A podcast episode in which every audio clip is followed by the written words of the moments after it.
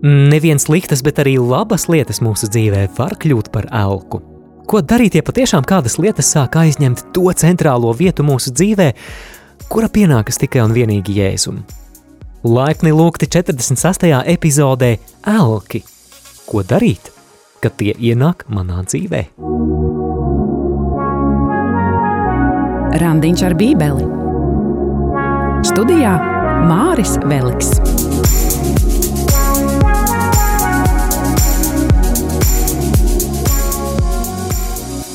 Esi sveicināts, dārgo radio Marija Latvijas klausītāji, randiņa ar bībeli draugs. Patiešām Māris Veliks šeit radio Marija ēterā.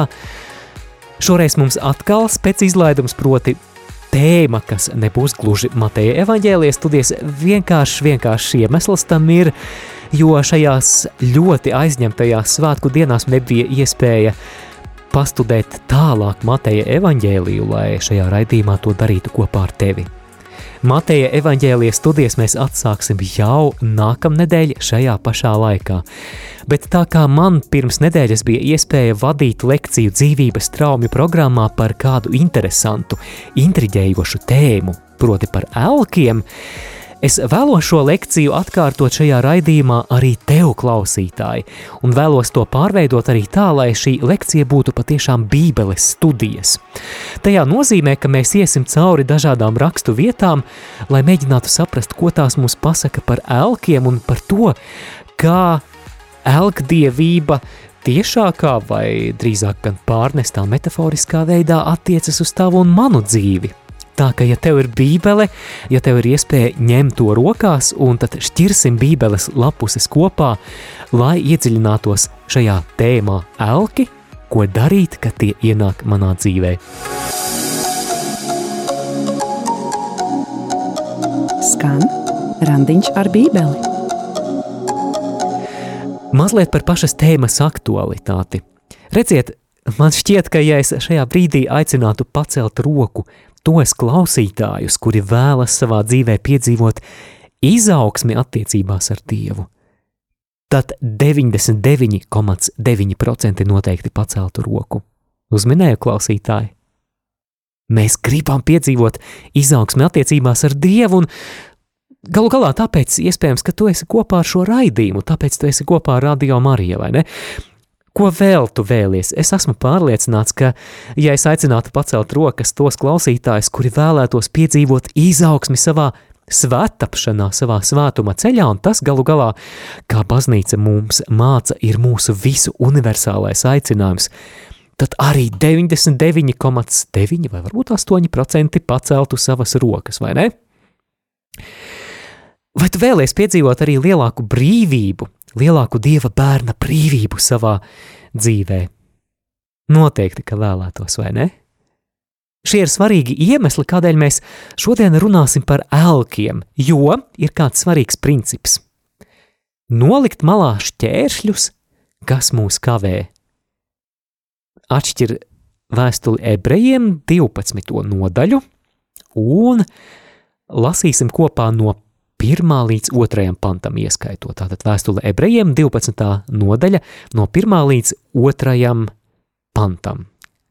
Tādēļ mēs, kam visapkārt liels pulks liecinieku, nolikuši visas nastas un grēku, kas velkas mums līdzi, apņēmības pilni skriesim sacīkstēs, kas mums noliktas. Mēs dzirdējām, ka vēstules ebrejiem autors aicina nolikt malā smagumu un grēku, kas ap mums tinas. Kas tad ir tas smagums un grēks, kas tad ir šie šķēršļi, no kuriem mums ir jāatbrīvojas? Nereti šie šķēršļi, kas traucē mums piedzīvot izaugsmi gan mūsu attiecībās ar Dievu, kas traucē mūsu svētapšanas ceļā, šie šķēršļi, kas traucē mums piedzīvot patiesu Dieva bērna brīvību, ir kas? Tie ir elki. Tie ir elki, par kuriem mēs parunāsim, un reizē man patīk noformulēt uzrunas domu vienā trāpīgā pantiņā, un šoreiz man pat atskaņas ir sanākušas, un es jau raidījuma sākumā vēlos pasniegt tev šo tēzi, kas patiesībā rezumē visu, par ko mēs runāsim turpmākajā raidījumā. Gatavs? Izaugsmi, ja vēlies gūt, visiem elkiem jāpazūd. Ja vari atkārto kopā ar mani, lai paliek atmiņā, izaugsmi, ja vēlies gūt, visiem elkiem jāpazūd. Tātad vēlreiz par kādu izaugsmi mēs runājam. Izaugsmi attiecībās ar Dievu, izaugsmi, jā, attiecībās arī ar citiem cilvēkiem, izaugsmi svētuma ceļā, izaugsmi savā kristīgajā Dieva bērna brīvībā. Tātad, ja šajās lietās izaugsmi, ja vēlies gūt, visiem elkiem ir jāpazūd. Dārgais brāli, dārgā māsa, tu jau noteikti zini, ka tu esi radīts ar īpašu cieņu, kas tev piešķirta no Dieva. Tu esi radīts galu galā pēc paša Dieva attēla un līdzības. Tad nu tava sirds, kas ir tavas būtības, tavas dzīves centrālā vieta, teiksim tā, tas ir tavs tronis, pienākas tikai vienai personai. Un šī persona ir pats Dievs. Šī persona ir Jēzus Kristus. Bet ir kāds likums. Mēs arī par to runājām kādā no iepriekšējiem raidījumiem, ka mūsu sirds tronis nekad nepaliek tukšs. Ja tavas dzīves centrālajā vietā, ja, ja tavas dzīves tronī nesēž Jēzus Kristus kā kungs un pestītājs, tad tukša vieta tur nekad nepaliek. Ja tas nav Jēzus, tad tur būs kaut kas cits. Tām nav jābūt kādām sliktām lietām, lai tās varētu kļūt par elkiem mūsu dzīvē. Tās var būt arī labas lietas, Tie var būt citi cilvēki, varbūt nauda, tā var būt karjera, tas var būt mūsu darbs. Šo sarakstu varam turpināt, bet eh, ja mūsu sirds tronī nav Jēzus Kristus, tad kāda cita lieta kļūst par mūsu elku. Savukārt šis elks kļūst par šķērsli mūsu dzīvē, par šķērsli izaugsmē attiecībās ar Dievu, izaugsmē mūsu svētuma ceļā un mūsu Dieva bērnu brīvībā. Tāpēc izaugsmi, ja vēlies gūt, visiem elkiem ir jāpazūd. Kāds ir šīs lekcijas, jeb šī raidījuma mērķis? Man nāk prātā fragments no apakstuļu darbiem. Varam atšķirt tagad apakstuļu darbu 17. nodaļu, tātad jaunā derība, apakstuļu darbi 17. nodaļa. Un tur mēs lasām par situāciju, kad apustulis Pāvils ir ieradies Atēnās. Un apstaigājot pilsētu, viņš redz, ka Atēnās valda politeisms, jeb daudzddievība. Viņš redz, ka tur ir statujas, kas veidotas tādam un citādam dievam un kādam nezināmam dievam. Un apakstuļu darbus 17. nodaļas 16. pantā mēs lasām, tad lasām kopā. Pāvils gaidīja viņu ierašanos Atēnās, un redzot, ka pilsēta ir pilna elku tēliem, viņu pārņēma dziļš sašutums. Jā, vecajā tulkojumā ir rakstīts, ka Pāvila gars iedegās dusmās, redzot, ka pilsēta ir pilna elku. Es vēlos, lai svētais gars caur šo raidījumu manī un tevī, mīļo klausītāji, atraisa tās svētās dusmas, to svēto neapmierinātību, ka es nepieļaušu, ka kāds elks paceļ savu netīro galvu, ka kāds elks pretendē uz to vietu mana sirds tronī, kura pienākas vienīgajam kungam, vienīgajam, kurš ir miris par mani un augšām cēlies, un kurš dāvā man pestīšanu, grēku piedošanu, jaunu identitāti Dievā, proti Jēzum Kristum, lai mēs to netolerētu. Tātad šīs svētās dusmas. Un šīs svētās dusmas ir ļoti laba lieta. Tas ir pirmais solis mūsu ceļā pretī personības integritātei, pretī tam, ka patiešām mēs esam nomodā par to, kas notiek manā sirdī, kāda ir mana sirds higiēna, kurš tad galu galā sēž mana sirds tronī. Jo Vēlreiz atkārtosim mūsu šī raidījuma centrālo tēzi, ka izaugsmi, ja vēlies gūt, visiem elkiem, jā, jāpazūd.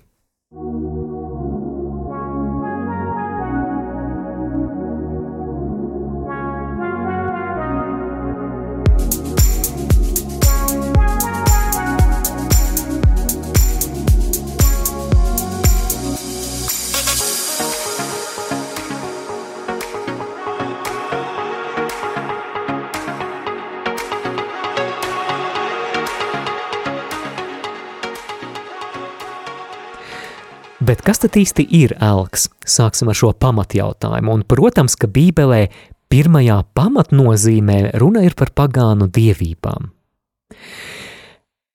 Ja mēs lasām veco derību, mēs redzam, ka Izraēļa tautas vēsturē pievēršanās kaimiņu pagānu tautu dievībām bija nemitīgs kārdinājums. Atcerēsimies traģisko gadījumu ar zelta teļu. Mūzus uz 40 dienām ir aizgājis rekolekcijās, nu tur tā nav rakstīts rekolekcijās, bet pārfrāzējam, viņš ir uzkāpis kalnā un 40 dienas pavadā ar dievu, un kas tad tas ir cits, ja ne īpašas rekolekcijas. Jā, tas ir tas brīdis, kad uz akmens plāksnē viņš saņem ar dieva pirkstu iegravētus desmit dieva baušļus. Bet, kad viņš nokāp no kalna, tad garīgā atmosfēra Izraēļa tautas nometnē ir radikāli mainījusies. Tauta ir izveidojusi zelta teļu un dejo apkārt to, ir reliģisks rituāls. Vai atceries, kādiem notikumiem seko šis incidents ar zelta teļu? Pirmkārt, jau tā ir iziešana no Ēģiptes. Un starp citu, viena no Ēģiptes dievībām, jeb apis, tika attēlots vērša jeb ragulopa veidā. Jo, redzi, viena lieta ir iziet no Ēģiptes, bet cita lieta ir Ēģipti dabūt ārā no savas sirds. Jā, viņi ir izveidojuši šo elku dievību, un mazliet pievēršoties tam bibliskajam humoram, par ko mēs arī ar Olgu runājām šīs sezonas pirmajos divos raidījumos, kad mēs runājām par humoru Bībelē, atcerēsimies Mūzes brāļa Ārona reakciju par to, kā tas zelta teļš ir tapis. Bet Ārons teica, lai neiedegas mana kunga dusmas, tu taču zini, ka šī tauta ir uz ļaunu. Viņa man teica, taisi mums dievus, kuri ies mums pa priekšu, jo Mūzus tas vīrs, kurš izveda mūs no Ēģiptes zemes, mēs nezinām, kas ar viņu ir noticis. Un es tiem teicu, kam ir zelts, tas lai noņem to, un viņa man to atdeva. Es iemetu to ugunī, un iznāca šis teļš. Ak, Āron, Āron, nu ko tu taisnojies? Nu, komiska ir tava taisnošanās. Jā, iemeti zelta auskarus un gredzenus ugunī, mazliet aizgāja nost, atnāca atpakaļ, un kaut kā tur tie metāli, tie cēlmetāli bija tā sakausējušies, ka skaties teļš sanāca. Nu, kas par taisnošanos?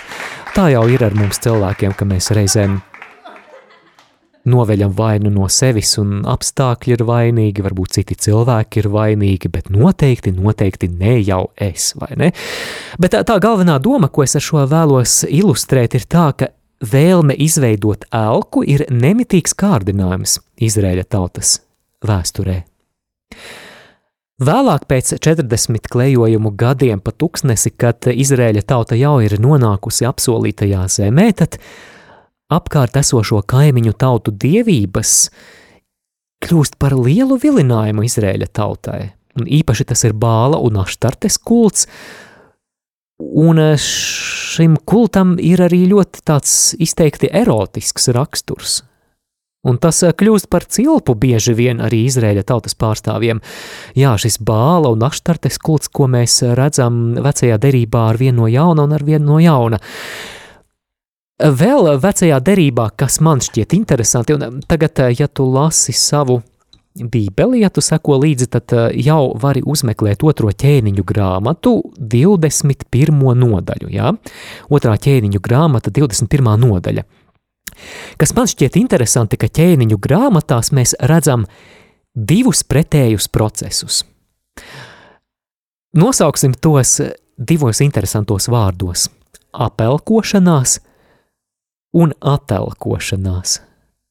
Tas gan arī kā apkaļķošanās un atkaļķošanās, nu jā, kaut kas līdzīgs apelkošanās, kā jau nojaut, tas nozīmē, ka mēs apaugam ar elkiem vai kad mēs ielaižam elkus savā sirdī. Atelkošanās ir atteikšanās no elkiem, to atraidīšana un atgriešanās pie vienīgā īstā dzīvā dieva. Un šajās ķēniņu grāmatās mēs lasām par šo Dāvida ķēniņu dinastiju,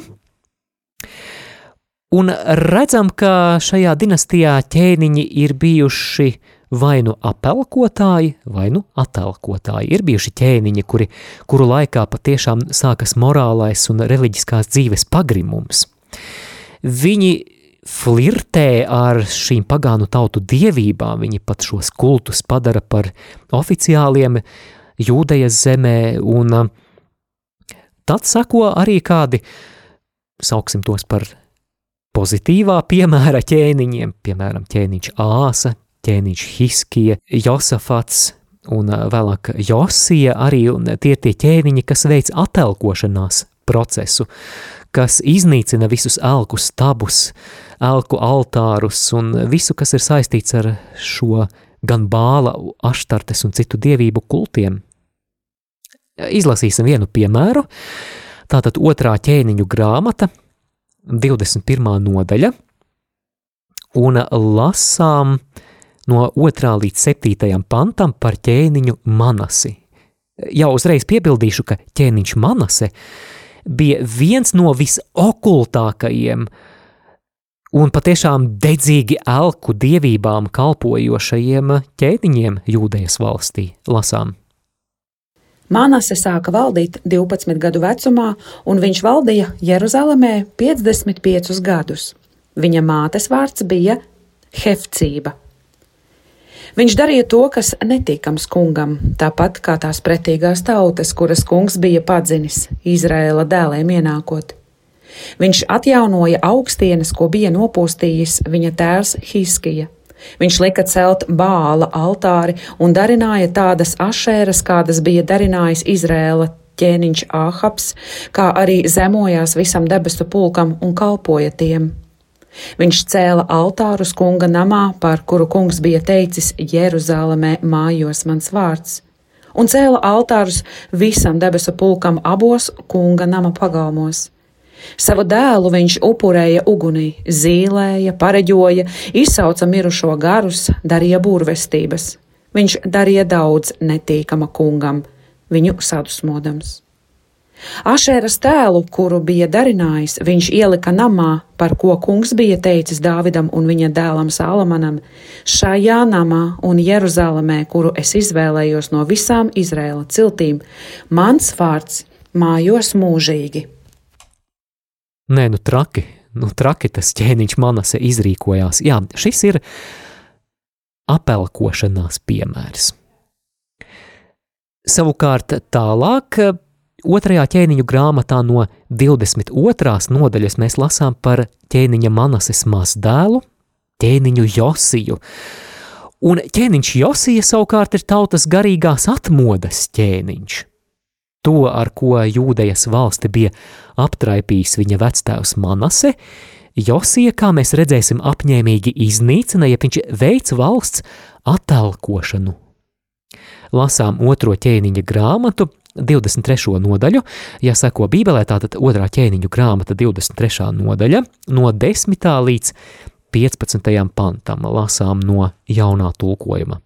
Viņš sagānīja Tofetu, kas bija Benhinomas ielā, lai neviens neupurētu ugunī savu dēlu vai meitu Moleham. Viņš lika aizvākt zirgus, kurus jūdas ķēniņi bija nolikuši par godu saulei, pie Einuha Netanu Meleha istabas, kas bija pie kunga nama ieejas, un sadedzināja ugunī saules ratus. Altārus uz Ahāza augšstabas jumta, kurus bija darinājis jūdas ķēniņš, un Manases darinātos altārus, kas bija abos kunga nama pagalmos, ķēniņš noplēsa, un to atliekas steigšus izmeta Kidronas ielā. Ķēniņš Jošijāhu sagānīja arī augstieņu altārus Jeruzalemes apkārtnē, pa labi no samaitāšanas kalna. Tās Izraēla ķēniņš Sālamans bija cēlis Sidoniešu preteklībai Aštartei, Moābiešu preteklībai Kemošam un Amoniešu riebeklībai Milkomam. Viņš sadragāja elku stabus, nocirta ašēras un to vietas piepildīja ar cilvēku kauliem. Arī altāri Bēteles augstienē, ko bija darinājis Jārobāms, nebāta dēls, kurš lika grēkot Izrēlam, arī to altāri un augstieni viņš noplēsa, nodedzināja augstienes namu un saberza pīšļos. Viņš sadedzināja ašēru. Jā, ko vectēvs ķēniņš Manase ir sastrādājis, tad mazdēlam ķēniņam Josijam tad ir pamatīgi jāpacīnās, lai ar to visu tiktu galā. Tātad šīs divas pretējās tendences - apelkošanās un atelkošanās. Un jautās, kāds tam sakars ar mums? Redzi, klausītāji, šīs divas tendences, ja mēs to paņemam kā metaforu, mēs ļoti labi varam novērot arī mūsu dzīvē no jaunās derības mēs zinām, ka jaunais radījums Kristū cīnās ar mūsu veco dabu. Mēs lasām vēstulē Galatiešiem 5. nodaļā 17. pantā. Jo miesa iekāro pretēji garam, bet gars pretēji miesai. Tādēļ, ka tie abi stāv viens otram pretī, jūs nevarat darīt visu, ko gribat. Jā, šīs divas pretrunīgās pretējās tendences, ko mēs katrs sevī varam novērot. Aizvadītā gada augustā, protams, brīnišķīgs radio Marijas svētceļojums uz Aglonu, svētā gara piepildīts laiks un atgriežoties mājās ilgu laiku es jūtu to patīkamo pēcgaršu, ka lūkšana garšo, ka sirdī ir tā svētā gara uguns un ir tik labi ar Dievu un tik liela dedzība kalpot, bet kā jau tas mēdz notikt, tad pienāk, piemēram, novembra mēnesis un lūkšanā es saprotu, ak, Dievs, man, man šķiet, ka jau mana sirds ir paspējusi pārkaļķoties, man šķiet, ka šajā brīdī jau citas lietas mani interesē vairāk nekā tu, Dievs. Jā, ir jāvērot šie procesi mūsu sirdī, bet eh, tātad šis eh, pārskats par elgdievību kā pievēršanos pagānu dieviem Bībelē, uztversim to kā metaforu procesiem mūsu dvēselē. Un eh, te nav tā burtiski jāzemojas bālam vai aštartē vai citām pagānu dievībām, lai elki būtu reāls šķērslis mūsu izaugsmē ar Dievu.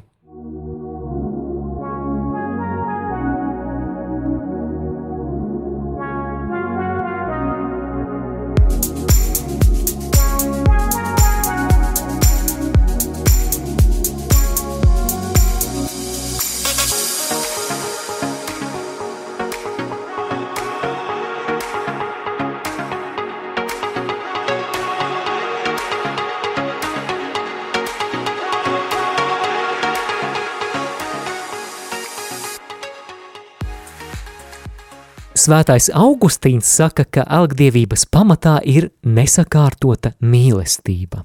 Jā, ne, elgdievības pamatā ir nesakārtota mīlestība, un es centīšos paskaidro, paskaidrot šo domu ar šādu piemēru. Jautāšu tev, klausītāji, kā tev šķiet, vai mīlēt savu darbu ir labi? Padomā, vai mīlēt savu darbu ir labi? Labi taču, vai ne? Mēs esam aicināti ielikt mīlestību tajā, ko darām. Tātad mīlēt savu darbu ir labi. Bet tagad cits jautājums.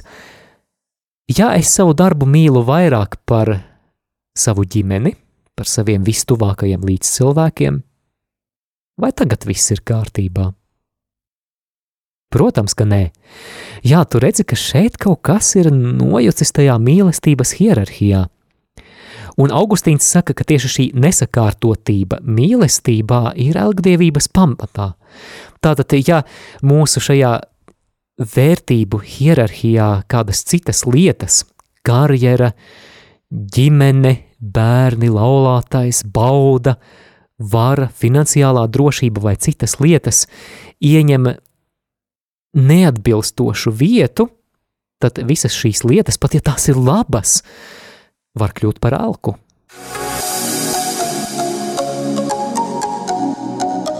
Skan randiņš ar bībeli. Vēl viens svarīgs jautājums ir, kā mēs varam identificēt alku sevī? Kā mēs varam saprast, kas tad ir tās lietas, kuras iespējams draud mūsu dzīvē kļūt par elku, kurš no mūsu sirds galvenās centrālās vietas tiecas izstumt Jēzu Kristu. Un šeit testam es vēlos uzdot dažus sirdsapziņas izmeklēšanas jautājumus. Es pats sev arī šos jautājumus uzdošu. Nu, šie jautājumi var norādīt uz to virzienu, kur mums ir jāmeklē mūsu iespējamie elki. Tad jautājums ir šāds. Pie kā mēs meklējam savu drošību? Pie kā mēs ejam, kad mēs esam stresā, izsmelti un nelaimīgi? Protams, varbūt ne tiešā veidā tā atbilde uzreiz norāda uz, uz elku, jo, piemēram, ja mēs esam izsmelti un noguruši, pārguruši, un ja mēs ejam nosnausties, nu, tas jau noteikti nav nekāds elks, bet, bet ja parokam dziļāk, tad kas ir tā lieta, kur mēs balstām to savu veldzējumu, spirdzinājumu, kas ir tā galvenā lieta? Vai nākamais jautājums, kas ir lieta, kuru zaudējot, tev šķiet, ka tu esi pazaudējis visu savas dzīves jēgu. Pazūd kāda lieta no tavas dzīves, un šķiet, viss ir sabrucis, vienkārši katastrofa. Tātad, kas ir lieta, kuru zaudējot, šķiet, ka tu esi pazaudējis visu savas dzīves jēgu. Nākamais jautājums. Kas tavai laimēji dzīves jēgai un identitātei ir svarīgāks par Dievu. Nākamais jautājums. Kas tavai pašvērtībai, svarīguma un vērtības un drošības izjūtai ir svarīgāks par Dievu? Un galu galā arī svarīgs jautājums, kas ir tas, ko tu mīli vairāk par Dievu?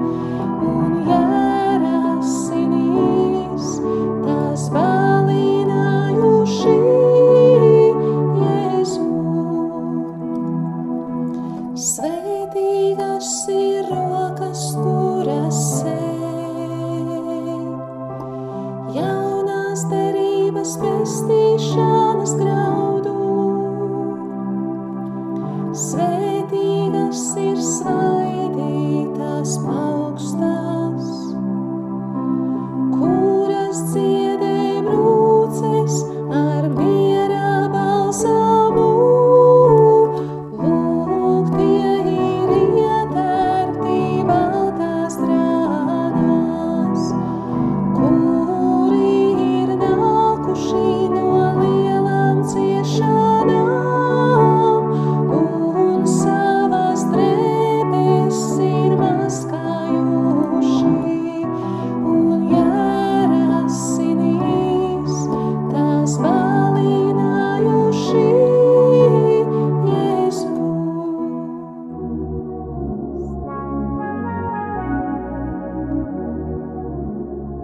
Savu skanējumu turpina raidījums Randiņš ar bībeli, un šoreiz mēs runājam par tēmu elki.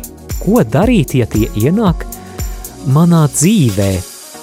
Neliela bībeles studija par elkiem mēs jau dažas rakstu vietas vecajā derībā aplūkojām. Tagad savā bībelē var atrast vēstuli kolosiešiem, trešo nodaļu, vēstule kolosiešiem trešā nodaļa, jo raidījuma noslēdzošajā daļā es vēlos parunāt par seksuālo grēku kā elgdievības formu.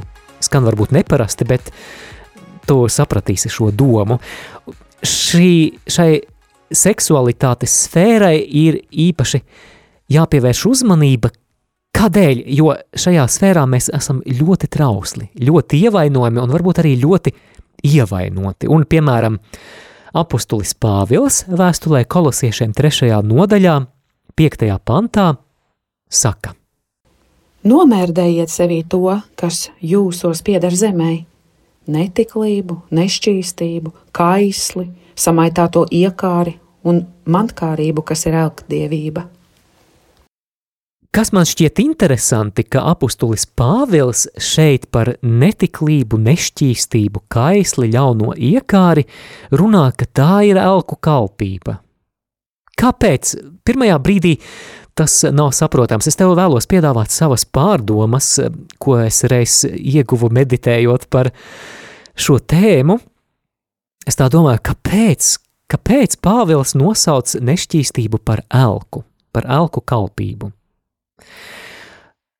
Un man iešāvās prātā kāda doma, kāda atziņa, tu vari apstrīdēt, varbūt, ja tu domā citādāk, droši raksti uz randiņš ar bībeli at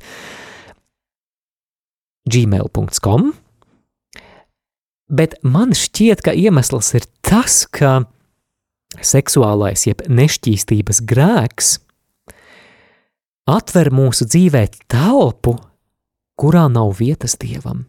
Vēlreiz, nešķīstības grēks atver mūsu dzīvē telpu, kurā nav vietas dievam. Parasti viss, kas ir saistīts ar seksuālo grēku, notiek kaut kur slepenībā, kaut kur projām. Tā ir tāda sfēra, kurā cilvēks nelabprāt ielaiž dievu. Nu, mēs taču mazliet humoram, mēs taču pat droši vien nevaram iztēloties tādu situāciju, kad divi cilvēki, kas tulīt grasās pārkāpt laulību, saka, pagaidi, stop! Nu, pirms mēs ejam kopā gultā, lūgsim Dievu, svēdarīsim šo mirkli, ieaicinot Jēzu mūsu vidū, veltīsim šo mūsu vakara tikšanos viņa godam. Jā, Dievs, mēs aicinām tevi mūsu vidū. Nu, nenotiek tā, vai ne? Viss eh, notiek arī, piemēram, pornogrāfijas skatīšanās, viss notiek aiz aizrautām žalūzijām, tādā individuālajā, privātajā telpā, no kuras mēs dievu labprāt izstumjam ārā, vai vismaz uz brīdi iztēlojamies, ka dievs būtu kaut kur prom. Nu, mēs pat, pat iedomāties, varbūt par viņu negribam, jo šajā sfērā, kas ir seksuālā grēka sfēra, Dievs kļūst par tādu nevēlamo personu, Un šajā nozīmē iespējams apustulis Pāvils arī runā par to, ka nešķīstība kļūst par alku kalpību. Tā kā šo lekciju es biju gatavojis dzīvības straumju programmai, tad arī, protams, es izmantoju dzīvības straumju dibinātāja Andriju Komiska grāmatu, un viņš runā par trim iemesliem, kādēļ seksuālā grēka elgdievība var būt ienākusi mūsu dzīvē. Pirmais iemesls, kā viņš raksta, tas ir mūsu pašu izvēles un grēks. Otrais iemesls ir seksuālā vardarbība, ko mēs esam piedzīvojuši. Tātad, kur nevis mēs paši esam vainīgi, bet kādi citi ir nodarījuši mums pāri šajā jomā. Un tas turpina mūs ietekmēt varbūt arī šodien. Un trešais iemesls ir nešķīstība mūsu dzimtā, tā raksta Andriju Komiskis, dzīvības traumju dibinātājs. Šodienas garīgā pandēmija nav kāds Covid-19 vai kaut kas tam līdzīgs. Tā noteikti ir pornogrāfija. Un, protams, ka tas ir tādēļ, ka pateicoties internetam, tā ir kļuvusi momentāli un bez maksas tūdaļ pieejama, caur dažiem klikšķiem, un Un tā ir problēma, ar ko sastopas arī daudzi, jo daudzi kristieši, un tāpēc es esmu pat pārsteigts, ka neskapēc par šo tēmu gandrīz neviens nerunā. Tā ir tik aktuāla problēma, ar ko ir jācīnās, un patiesībā vajadzētu radio arī ēterā veselam raidījumu ciklam būt par šo tēmu. Slavenais katoļu runātājs Mats Frets, kuram ir tāds podkāsts Pines with Aquinas, saka tā, ka ja agrāk, lai tiktu pie pornogrāfijas, bija nepieciešams laiks, nauda un piepūle, tad tagad ir tieši pretēji, ka ir nepieciešams laiks, nauda un piepūle, lai no pornogrāfijas tiktu vaļā. Ko darīt, ja mēs saskaramies ar šo elku mūsu dzīvēm? Protams, protams, ka ir svarīga aktīva sakramentālā dzīve, grēksūdze, izlīkšanas sakraments, svētā komunija, bet ar to bieži vien nepietiek, lai mēs izrautos no grēka apburtā loka pavisam un uz visiem laikiem. Ieklausīsimies, ko saka Jēzus Mateja evaņģēlija 5. nodaļā, tad varam atšķirt 5. nodaļu Mateja evaņģēlijā. Jā, tas ir fragments no Kalnas prediķa, Tātad Mateja evaņģēlijas 5. nodaļa lasām no 29. līdz 30. pantam. Bet, ja tava labā acis tevi apgrēcina, izrauj to un met projām, jo labāk tev ir zaudēt vienu savu locekli, nekā visa tava miesa tiek iemesta ellē. Un, ja tava labā roka tevi apgrēcina, nocer to un met projām, jo labāk tev zaudēt vienu savu locekli, nekā visa tava miesa nonāk ellē. Jēzus šeit lieto tādu ļoti šokējošu pārspīlējumu, jeb hiperbolu. Ko viņš ar to grib pateikt? Proti, viņš norāda uz nepieciešamību cīņā pret grēku būt radikālam. Galu galā grēka rezultāts ir radikāli nevēlams, elle tad nu, šo kādas ķermeņa daļas nociršanu vai izraušanu mēs varam pārfrāzēt tā: atbrīvojies no grēka izdarīšanas iespējas. Atbrīvojies no grēka izdarīšanas iespējas. Un kā? Daži praktiski ieteikumi. Pirmais. Aprīko savas elektroniskās ierīces, gan vietālruni, planšeti, datoru ar kādu atskaitīšanās sistēmu. Piemēram, ir kavenantājas un citas. Tas nozīmē, ka kāds cilvēks, kuram tu uzticies, kurš ir tavs partneris, saņems atskaites par to, ko tu dari internetā. Nu, ir taču liela atšķirība, vai neko tu darītu internetā, ja tu zinātu, ka tu nevari neko noslēpt, ko tu skaties, vai ne? Šī ir pirmā lieta. Otrā lieta - runā par savām cīņām ar cilvēkiem, kuriem tu uzticies ir neiespējami tikt galā ar šo goliātu, ja tu mēģināsi cīnīties viens pats. Neceri. Uzdrošinies būt kontaktā ar kādiem cilvēkiem, kuriem tu uzticies, un tev ir vajadzīgi kādi cilvēki, kuriem tu vari regulāri atskaitīties aci pret aci. Jā, tātad runā ar savām runā par savām cīņām ar cilvēkiem, kuriem tu uzticies. Trešais. Ar kādu uzticības personu var ieviest drošības sistēmu kārdinājumu brīžiem. Piemēram, tu piedzīvo kārdinājumus, un tu sūti īziņu šai uzticības personai, ka tev ir kārdinājumi, un šis cilvēks par tevi aizlūdz. Nākamā lieta - meklē aizlūgšanas arī par iekšējo dziedināšanu, jo Te ir vajadzīgs dieva pārdabisks spēks, lai atjaunotu to noārdīto spēju pretoties grēka vilinājumiem. Mums ir piemēram brīnišķīga programma Dzīvības traumas Latvijā, kas arī ir lieliska vide, kur pret šiem elkiem cīnīties. Piektais var palīdzēt arī laba psihoterapija, jo, redzi, mūsu atkarību pamatā var būt arī dziļāki nesakārtoti iemesli, kurus ir vērts atšķitināt laba speciālista pavadībā. Tātad laba psihoterapija arī var palīdzēt. Nu ko? Šīs randiņa ar Bībeli 46. epizodes nosaukums ir Elki, ko darīt, kad tie ienāk manā dzīvē. Atcerēsimies mūsu centrālo tēzi šajā raidījumā - izaugsmi, ja vēlies gūt, visiem elkiem jāpazūd. Izaugsmi, ja vēlies gūt, visiem elkiem jāpazūd. Un ko darīt? Pirmais solis - atpazīsti, kas ir tavi elki. Otrais - saņem piedošanu izlīkšanas sakramentā. Un trešais - ieaicini atkal Jēzu savā sirdī kā vienīgo kungu un glābēju. Es vēlos tevi vadīt raidījuma noslēgumā arī lūkšanā. Lūksim, lai Dievs mūs šķīstī no mūsu elkiem.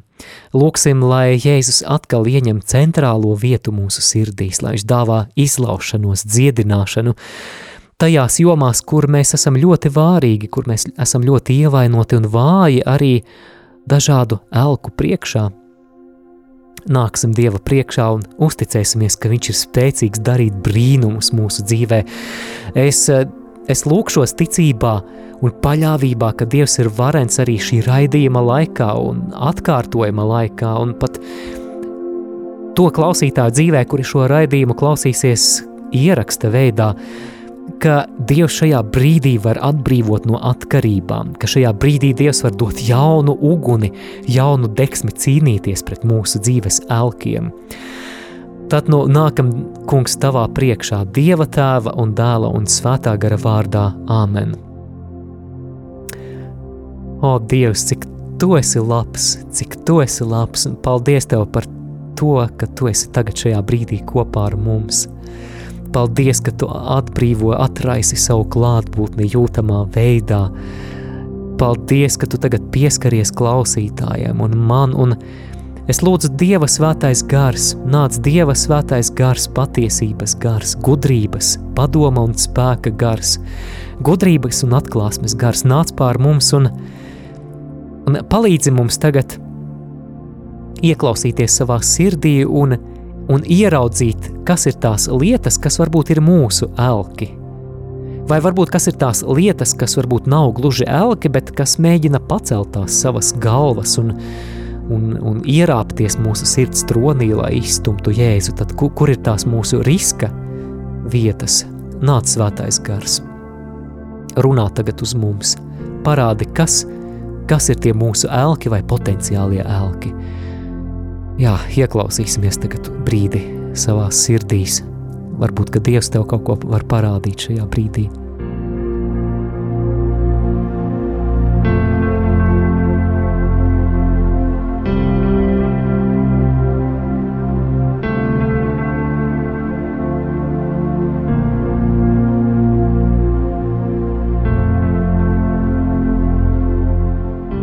Jā, kungs, Dievs, mēs lūdzam atdošanu par pirmā baušļa pārkāpšanu, par to, ka mēs nereti turam citus dievus līdzās tev. Paldies, ka tu esi tik žēlsirdīgs. Paldies, Tev, Jēzu, ka tu esi nomiris par mums un augšām cēlies. Paldies, ka ar vienu tavas asins lāsi pietiek, lai mēs būtu brīvi, lai mēs būtu šķīstīti, nomazgāti, lai mēs būtu ietērpti pestīšanas un piedošanas drānās. Jā, kungs. Un eh, Jēzu Kristu mēs, mēs vēlamies atkal tevi ieaicināt šajā vakarā savā sirdī kā vienīgo kungu. Kungs, mēs atzīstam, ka mūsu sirds tronis pienākas tikai tev.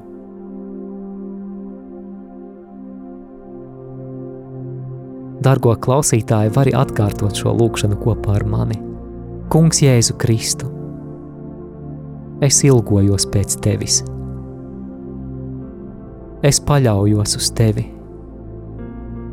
Es zinu, ka tu nomiri par mani un augšām cēlies. Šajā brīdī es izvēlos tevi, Jēzu Kristu, kā vienīgo kungu un pestītāju. Jēzu Kristu, ienāc manā dzīvē un ieņem tu vietu manas sirds tronī. Tā pienākas tikai tev. Es piedaru tev.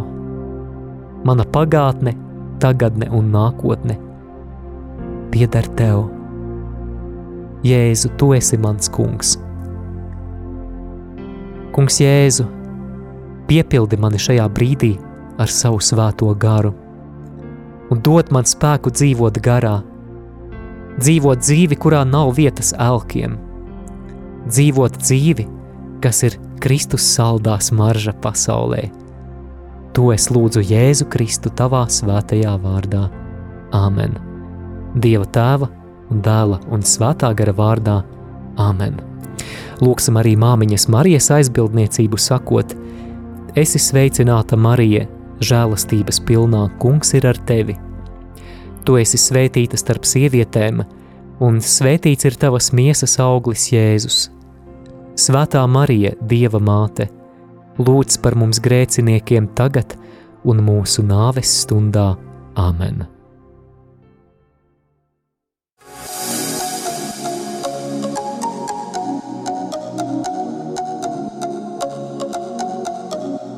Jūs klausījāties raidījumu Randiņš ar Bībeli. Savas atsauksmes, ieteikumus un jautājumus sūtiet uz e-pastu Randiņš ar Bībeli at gmail.com. Iepriekšējās raidījuma epizodes aicinām meklēt arhīvā.